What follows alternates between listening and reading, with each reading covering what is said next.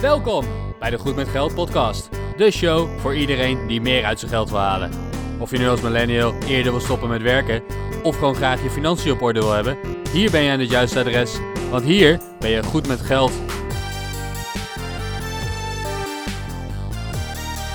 Dit is aflevering 14 van Goed met Geld. Ik ben Bas van firetheboss.eu En ik ben Arjan van stoppen voor mijn 50ste.nl. en samen maken we deze podcast om Nederland goed met geld te maken. Want bloggen kunnen we al en nu zitten we achter de microfoon om ook over geld te praten. Arjan, hoe was jouw afgelopen week? Ja, we zitten inderdaad eh, op aflevering 14 ondertussen. Het is zaterdagochtend 5 voor 10. Ehm, mijn afgelopen week was heel interessant. Ik ben eh, begonnen, of tenminste, ik heb een begin gemaakt voor eh, het investeren in trekkers. Ik heb een account aangemaakt eh, bij een van de grote handelaren. Dat komt natuurlijk nog een keertje terug in een van onze volgende afleveringen. Eh, maar op die manier ben ik wel weer heel interessant en druk bezig geweest om dichter bij mijn doel te komen. En jij? Oh, wat gaaf man. Leuk. Ja, ik heb deze week vooral geld uitgegeven. Ik heb een, nou niet deze week. Ik heb een tijdje terug een dure koptelefoon gekocht. Zo'n noise cancelling apparaat. Ja, fantastisch. Ik zit echt veel in vliegtuigen en eh, ja, dit was een goede investering. Oh, heerlijk. Eh, eh, een tip: draag hem niet te veel in huis, want mijn vriendin vindt het verschrikkelijk. Dan kan ze me weer niet bereiken, omdat ik er gewoon niet versta. Noise cancelling is echt geweldig. Het is niet alleen noise cancelling, het is ook girlfriend cancelling. Fantastisch. heerlijk. hey Arjan, waar gaan we het vandaag over hebben?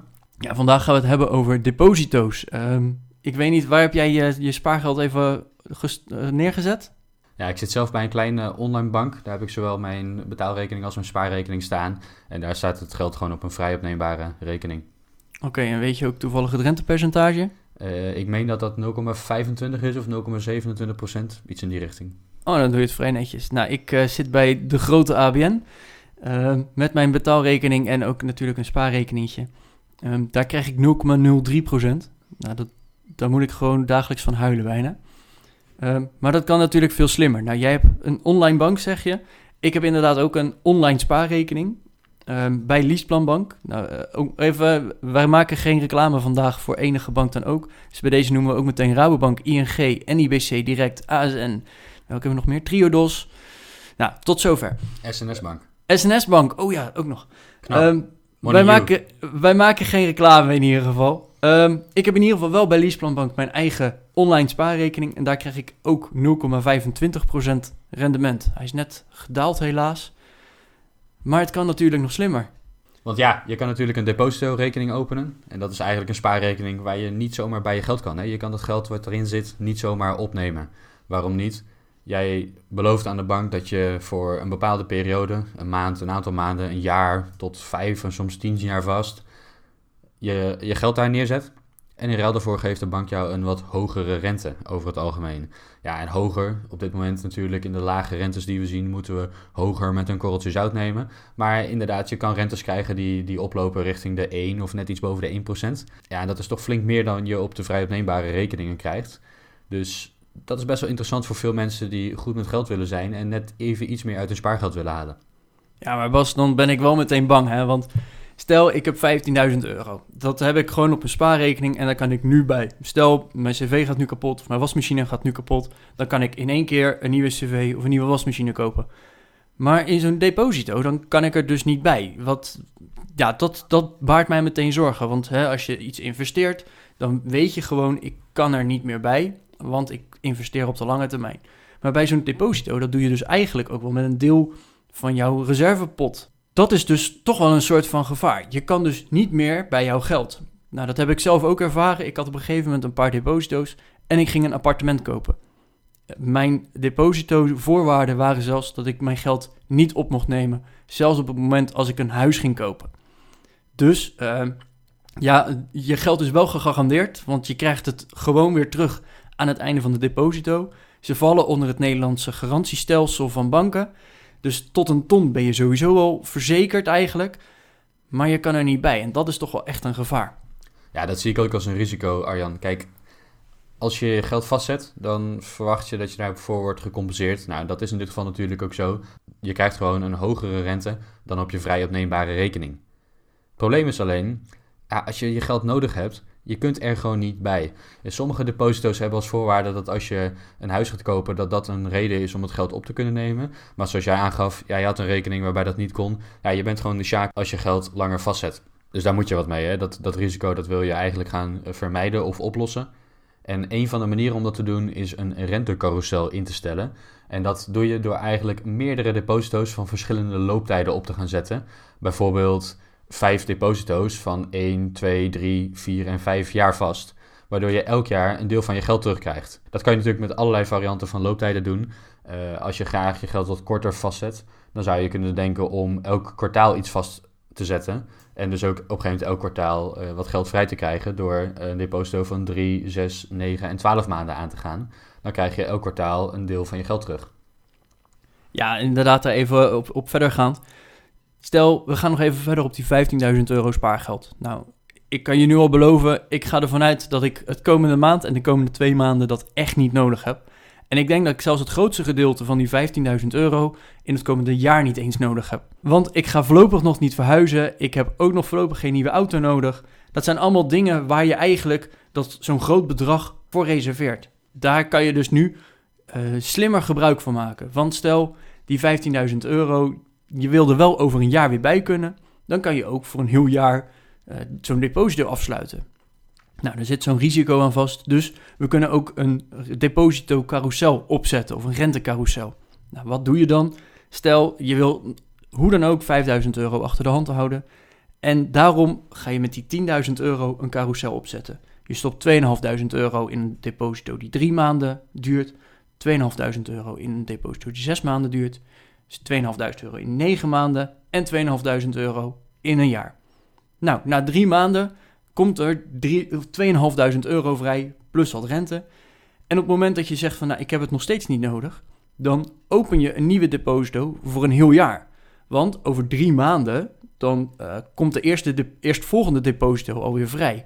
Want zo heb je steeds een periode van drie maanden waarin steeds 2.500 euro vrijkomt. Op het moment dat jij nu al weet van, nou, over drie maanden uh, zit er een grote aankoop te komen, of over drie maanden moet ik uh, de, de jaarlijkse belastingen betalen, kan je bijvoorbeeld ook zeggen dat je de deposito niet verlengt en daarmee dus wel dat geld alvast vrij hebt gekregen. Wat je hiermee eigenlijk doet, is de gemiddelde looptijd van je deposito verlagen. want op het moment dat je een deposito opent voor zes maanden en eentje voor twaalf maanden, dan staat je geld gemiddeld negen maanden vast.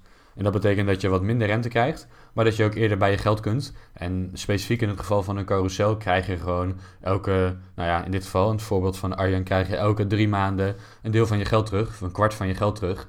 En zolang je dat geld elke keer weer opnieuw voor een jaar vastzet, blijf je elke drie maanden, um, ja, tot in de toekomst, of in elk geval totdat alles is afgelopen, je, ja, een kwart van je geld vrij krijgen. En daarmee los je dus eigenlijk een deel van je liquiditeitsprobleem op.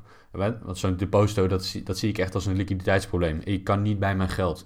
Maar als elke drie maanden een deel van mijn geld vrijkomt, nou, dat is wel een stuk interessanter. Ja, want inderdaad, hè, elke drie maanden komt er wat vrij. En als je inderdaad zo'n deposito-carousel hebt opgezet, zoals we zojuist hebben benoemd, dan uh, ga je over de eerste drie maanden, krijg je van, van die eerste 2.500 euro maar 75 eurocent rente.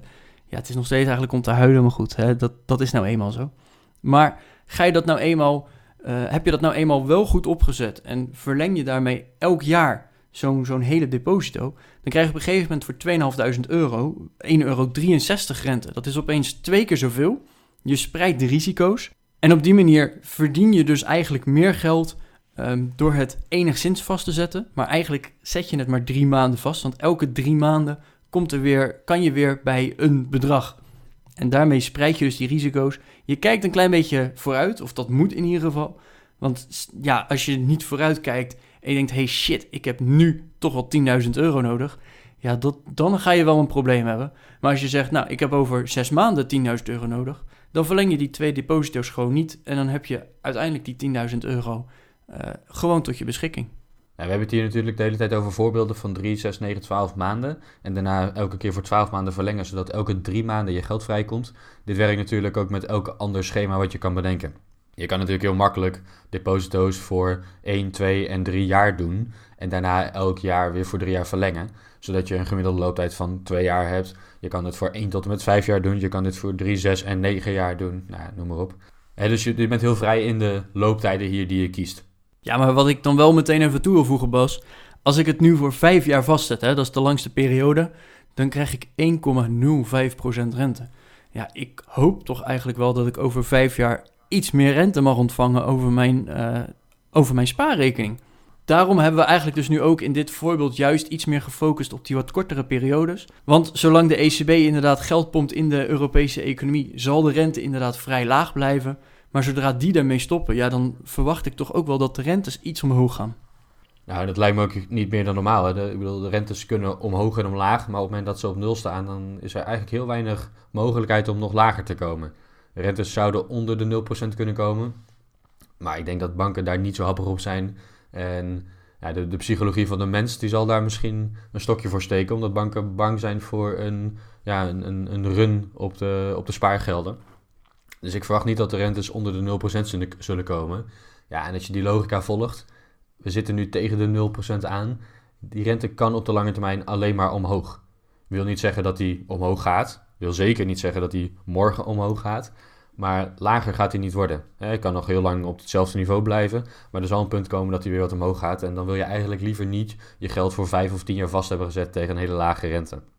En maar Bas, we hebben nu uh, inderdaad die deposito's genoemd. En ja, dat is allemaal heel leuk en aardig. Maar zijn er eigenlijk nog alternatieven die we met ons spaargeld kunnen doen om er toch wel iets meer uit te halen dan die 0,03% rente die je krijgt? Ja, absoluut. ik ben absoluut geen voorstander persoonlijk van de rentecarousel. Ik, ik hou gewoon niet zo van mijn spaargeld vastzetten. Mijn spaargeld is vooral een buffer en niet een manier om heel veel rendement te maken. Plus het rendement ook in een rentecarousel is op dit moment gewoon niet zo, niet zo heel erg hoog. ik beleg op de beurs. Ik heb daar een aandelenportefeuille. Je kan ook in obligaties beleggen. Dus er zijn nog best wel wat andere strategieën die je kan aanhouden om meer met je spaargeld te doen. Ook daarvoor geldt, uh, net als voor heel veel andere dingen in het leven, dat je ja, wat meer risico neemt. En elk voordeel heeft zijn nadeel, zei iemand ooit. Dus de rentecarousel is gewoon een van de strategieën die je, die je kunt aanhouden. Ik denk dat we een aantal voordelen hebben genoemd. Wat nadelen van deze strategie zijn gewoon dat ja, je maximale rendement is beperkt. En zeker op dit moment is ja, de rente die je krijgt ook op een deposito erg laag. Dat zou ik als nadeel zien. Plus je zet je geld voor een uh, bepaalde tijd vast. Wat je met de rentecarousel natuurlijk wel doet, is dat je je geld eerder vrij krijgt. je zit niet meer vijf jaar op die deposito te wachten, maar elk jaar komt er wat vrij. Of je zit niet meer een jaar te wachten op je geld, maar elke paar maanden komt er wat vrij. Maar dan nog, als je het gehele bedrag in één keer nodig hebt, dan ben je nog steeds een jaar aan het wachten. En dan komt er elke drie maanden een beetje vrij, maar je bent nog steeds aan het wachten. Dus ook dat zou ik als een nadeel van deze strategie zien. Ja, wat we natuurlijk ook nog hebben besproken in onze voorbespreking is uh, dat je het kan stoppen in je huis. Je kan je hypotheek ermee aflossen. Um, wat dan wel natuurlijk een risico is, want je krijgt nu niks op je spaarrekening, maar ja, je hypotheek dat kost alleen maar geld. Dus uh, effectief scheelt het geld.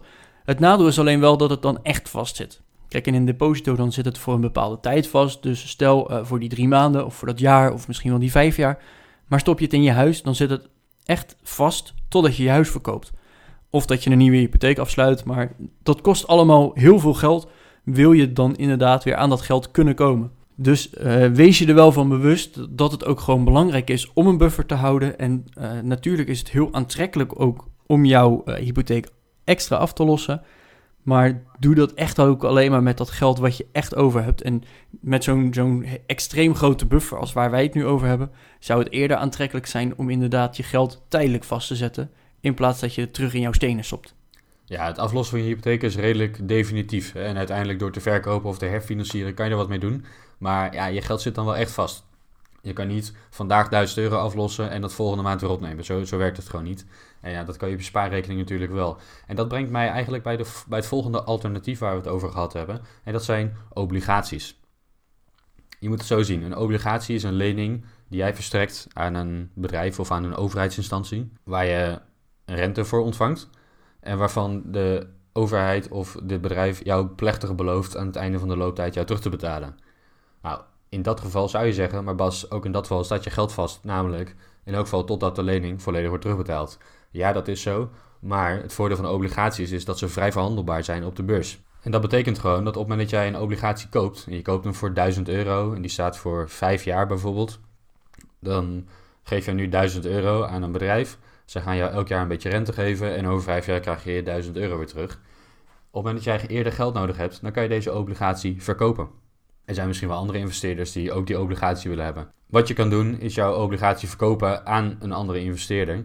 Uh, daar loop je wel wat risico's mee. De prijs van de obligatie kan veranderd zijn. Hè? Misschien krijg je er niet meer die 1000 euro voor. Dat heeft te maken met hoe de rentestanden verlopen en hoe lang de looptijd nog is. En de, de wiskunde daarachter is redelijk complex. Maar je loopt dan ook van een risico dat de obligatie tussentijds een lagere waarde heeft als je bij je geld wil. Maar goed, dat kan een acceptabel risico zijn hè, in, een, in een bepaalde strategie. Uh, met, met als voordeel dat je heel liquide bent. Want als je morgen je geld nodig hebt, dan kan je morgen die obligatie verkopen en dan, dan is dat geld vrij. Dus dat zou nog een alternatief kunnen zijn op, uh, voor de rentecarousel. Wat je wel ziet, is dat de rente op deposito's en spaarrekeningen is erg laag. De rente die je op obligaties krijgt, is ook erg laag. want we hebben het natuurlijk, als de rente laag is, niet alleen maar over spaarrente, maar alle rentes zijn laag, want geld is er in overvloed in de markt op dit moment. Dat betekent dat geld, ja, er is veel geld, dus de prijs van geld is laag. Dat geldt ook voor banken en voor overheden en voor andere bedrijven die geld willen aantrekken. En dat betekent dus gewoon dat ze weinig rente hoeven te bieden om, ja, om investeerders aan te trekken. Dus ook op obligaties is de verwachte rente ja, gewoon niet zo heel best op dit moment. Ja, natuurlijk gaan we in een andere aflevering verder in op die obligaties, hoe dat werkt en hoe je ze inderdaad kan aankopen en weer verkopen. Ehm, ja, het is gewoon heel lastig om meer uit je geld te halen eigenlijk. De, de markt is uh, erg verzadigd. Er is meer dan genoeg geld. En zeker nu de ECB nog steeds allemaal leningen opkoopt, waardoor ze eigenlijk nieuw geld in de markt pompen, is het gewoon enorm lastig om jouw geld inderdaad uh, een beetje te laten renderen en inderdaad wat rente erop te ontvangen. Nou, vandaag hebben we het inderdaad dan besproken over uh, het starten van een deposito-carousel of een, een rentecarousel, zoals het ook wel eens genoemd wordt om inderdaad ja, op de wat kortere termijn, ehm, op een wat veiligere manier en een iets, met iets meer voorbedachte raden, toch wat meer uit jouw geld te halen. Alternatieven zijn natuurlijk om jouw hypotheek eerder af te lossen of om naar uh, de obligaties te gaan. Wat wij sowieso aanraden is om even verder te kijken rondom jouw spaarrekening. Bas die zit al bij een online bank helemaal. Ik heb een online spaarbank. Daarbij heb je dus eigenlijk zonder noemenswaardige extra voorwaarden heb je gewoon al een hogere rente zonder dat je ook maar iets extra voor hoeft te doen. Het enige is dat je het van je spaarrekening over moet schrijven naar jouw eigen betaalrekening, waar misschien nog een halve dag overheen gaat. Dus uh, dat zijn eigenlijk de enige voorwaarden die daarmee gepaard gaan. Uh, verder zijn deze rekeningen ook vaak gratis, dus ja, wat ons betreft een aanrader. Juist, nou, en deze opties die zullen we noemen in de show notes. Dit was aflevering 14 van Goed met Geld. En de show notes vind je op goedmetgeldpodcast.nl slash 014. Wij zijn Goed met Geld en er zijn twee manieren om ons te kunnen helpen.